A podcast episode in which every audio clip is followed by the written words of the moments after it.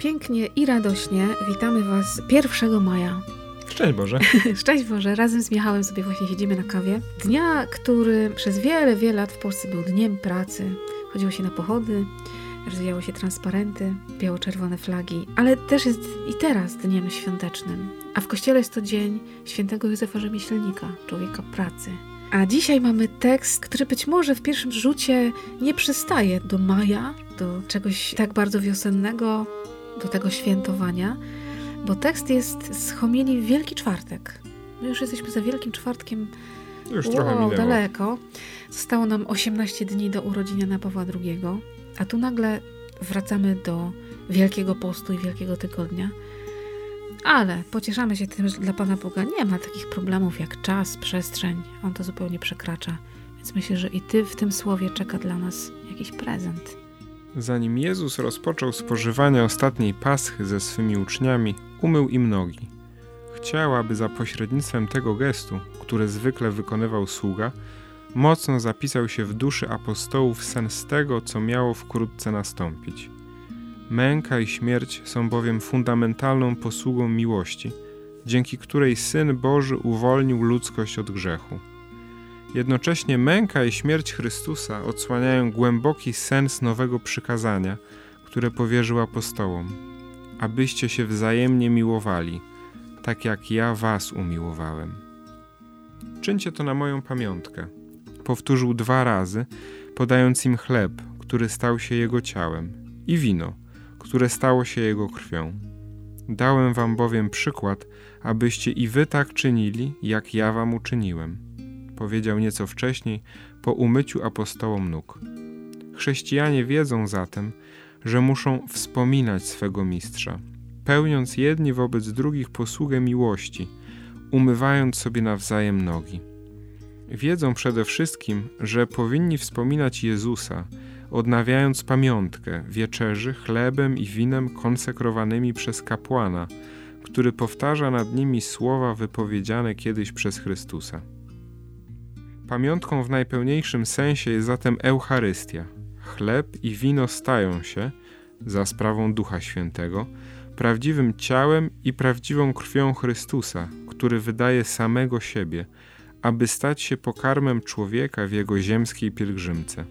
Wcieleniem słowa w łonie Maryi oraz obecnością w Eucharystii kieruje ta sama logika miłości. Jest to agape, caritas, miłość w najpiękniejszym i najczystszym znaczeniu. Jezus usilnie prosił swych uczniów, aby wytrwali w tej Jego miłości. Aby dochować wierności temu nakazowi i trwać w Jezusie jak latorośl w innym krzewie oraz kochać tak jak On, trzeba się żywić Jego ciałem i Jego krwią. Mówiąc do apostołów, czyńcie to na moją pamiątkę. Pan związał Kościół z żywą pamiątką swojej paschy.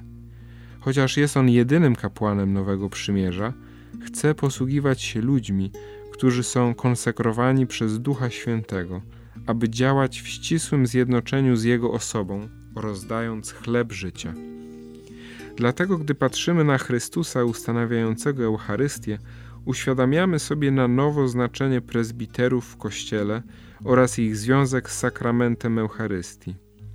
W liście napisanym do kapłanów na ten święty dzień powtórzyłem, że darem i tajemnicą jest sakrament ołtarza, darem i tajemnicą jest kapłaństwo, gdyż obie rzeczywistości wzięły początek z serca Chrystusa podczas ostatniej wieczerzy. Tylko Kościół kochający Eucharystię wzbudza święte i liczne powołania kapłańskie. Czyni to dzięki modlitwie i świadectwu świętości, składanemu zwłaszcza wobec nowych pokoleń. Tyle Jan Paweł II. A jak dzisiaj, na no 1 maja 2020 roku, kiedy zostało nam jeszcze 17 kaw do wypicia i będą urodziny Jana Pawła II setne i dopełnić nam ten czas. I dzisiaj stajemy przed tym tekstem i ty i ja. I chyba pierwszą kawę, którą piliśmy wspólnie, też była Eucharystia. Tak. I tak sobie właśnie myślę, że gdzieś ta Eucharystia za tobą bardzo chodzi i Tak. krąży. Jest coś na rzeczy. Jest coś na rzeczy. No to właśnie. Po tych mm, tygodniach, które minęło od tamtej kawy, mm, inny tekst, ale znów o Eucharystii. Co on dla ciebie dziś znaczy? To ja wtedy, no, gdy się widzieliśmy w marcu, to mówiłem o tajemnicy. Tak myślę sobie, że dla apostołów, wtedy kiedy to się działo, oni nawet nie wiedzieli jeszcze, że to jest tajemnica. My mamy tę możliwość, ale to jest y, trochę też takie ryzyko i to nie zawsze nam pomaga. My wiemy, co było dalej, wiemy, co było później. I tak sobie czytamy ten wykres w lewo i to tak się wszystko układa, jak ci apostołowie czegoś nie mogli zrozumieć. No jak oni mogli kimać, jak ten Jezus się modlił po tej wieczerzy, przed mhm. tym, zanim to wszystko się, te dramatyczne wydarzenia się zaczęły. No oni tego nie wiedzieli, oni nie wiedzieli, co będzie potem. I myślę, że to jest takie wydarzenie, w naszym życiu też tak się dzieje, że jest coś i my jeszcze nie dostrzegamy, że to jest ważne. To będzie bardzo ważne. Musi minąć trochę czasu i wtedy widzimy, o, to był ten moment, że no Pan Bóg do nas jakoś mówił, Pan Bóg jakoś zadziałał w naszym życiu. Tu jest bardzo gęsto. Jakby jest ten gest umycia nóg. Później jest ta ostatnia wieczerza, która dla nich jest kolejnym czasem z ich nauczycielem, wino, chleb, tak. no posiłek, dzień jak co dzień można powiedzieć. Tak, bo to nie była ich pierwsza wspólna pascha.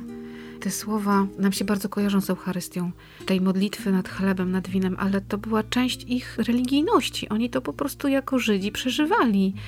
A jednak Jezus zaczął od umycia nóg, co kiedyś czynił tylko sługa i myślę, że tu już mieli początek dużego znaku zapytania, o co chodzi. Nam jest trudno zrozumieć te znaki, które dla nich były szokujące, mówimy, no bo to zrobił sługa, no to taki jakiś mm. kontekst, taka ciekawostka historyczna, a oni się pewnie czuli tak, jakby ktoś im dał po gębie, nie? No myślę, że mogli nawet być trochę zgorszeni tą postawą. Żeby nie powiedzieć zdegustowani, no. No, no tak. Się wygłupia tutaj Bo, bo dziś, kiedy, kiedy no, w Wielki Czwartek w wielu już kościołach jest obrzęd umycia nóg, ale myślę, że to i tak nie ma takiego kontekstu jak wtedy kiedy te nogi naprawdę były brudne. Tradycja jakaś taka, no i potem przyjdzie ten ksiądz i tak jest śmiesznie, bo ten pan, co na końcu miał umytą nogę, to on musi szybko założyć skarpetkę, bo ten pan na początku miał dużo czasu, on ma mało, nie? Jakby tak. nie widzimy tego, co jest ważne. Tak mi tutaj duch do prawego ucha tak trochę wieje, że to jest taki jakiś moment przełamania bo tu jeszcze jest tak jak zwykle, tak trochę normalnie ta wieczerza, a potem no jest pojmanie Pana Jezusa. My też mamy takie momenty przełamania, i możemy ich nie zauważyć. No nie, nie, jak co dzień tam coś, a może to nie było ważne tam to. No może Pan Bóg mi podpowiada, żeby coś tam pociągnąć, albo coś to było nie tak, coś, ale to później, maniana, maniana, to na to nie jest ważne. Teraz sobie myślę o tym, że pocieszające jest to, że te chłopaki, czyli apostołowie, naprawdę niewiele rozumieli. To jest nadzieja dla nas. Nadzieja jest dla nas. Oni się rozproszyli, pouciekali, pochowali się, a Pan Bóg je jeszcze odnalazł na koniec. I jeszcze im powierzył w ogóle Kościół i przyszłość i swoją miłość i prosił ich, żeby wytrwali w Jego miłości. I myślę, że jak Pan Bóg mnie prosi, to jest w ogóle jakiś kosmos. Mhm. I jest nadzieja dla nas, że nawet jak my przegapimy te niektóre momenty, jak my zaśniemy w tym ogrójcu, jak my nie skumamy o co chodzi w, w tym wieczerniku, tak. to Pan Bóg ma takie sposoby i tyle dróg dojścia do mojego serca, że on stanie przede mną tak jak w wieczerniku, te wszystkie pozamykane drzwi otworzy i powie: Pokój wam, przyjmijcie mojego ducha.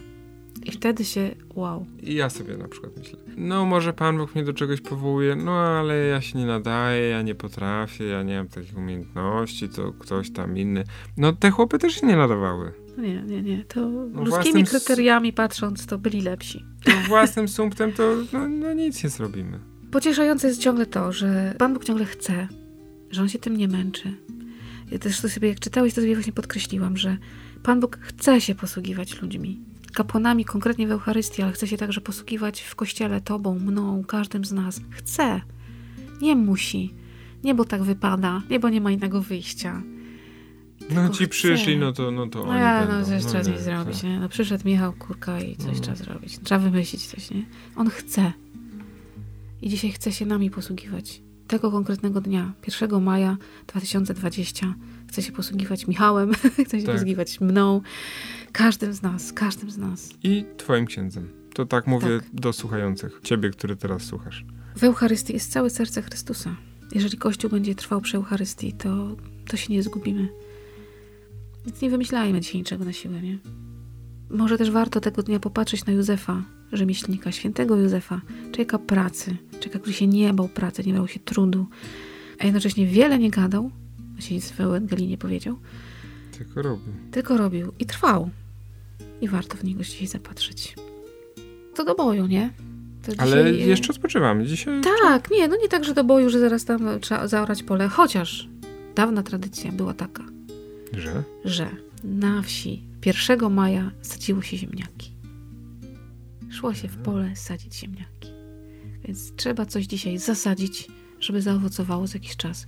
To ciekawe nawet, wiesz, bo, bo jak wsadzasz te kartofle do ziemi, zasypujesz je ziemią, to przez parę tygodni nic nie widać, gołe pole, a Kompletnie. tam się dzieje życie. I za jakiś czas zbieramy tego owoce. My tak na co dzień w mieście kupujemy po prostu pyrki w sklepie i tego nie czujemy. Ale ja chodziłam na pole kopać ziemniaki do obiadu u mojej babci. I trzeba było się trochę napracować. Trzeba się było napracować, ale najpierw trzeba było poczekać. I dzisiaj warto coś zasadzić i za parę tygodni, miesięcy zebrać. A co to będzie? To się już dogadajcie z Panem Bogiem. Miłego sadzenia ziemniaków. I odpoczynku ze świętym Józiem dzisiaj. Tak jest. Święty Janie Pawle II. Módl się nieustannie za nami.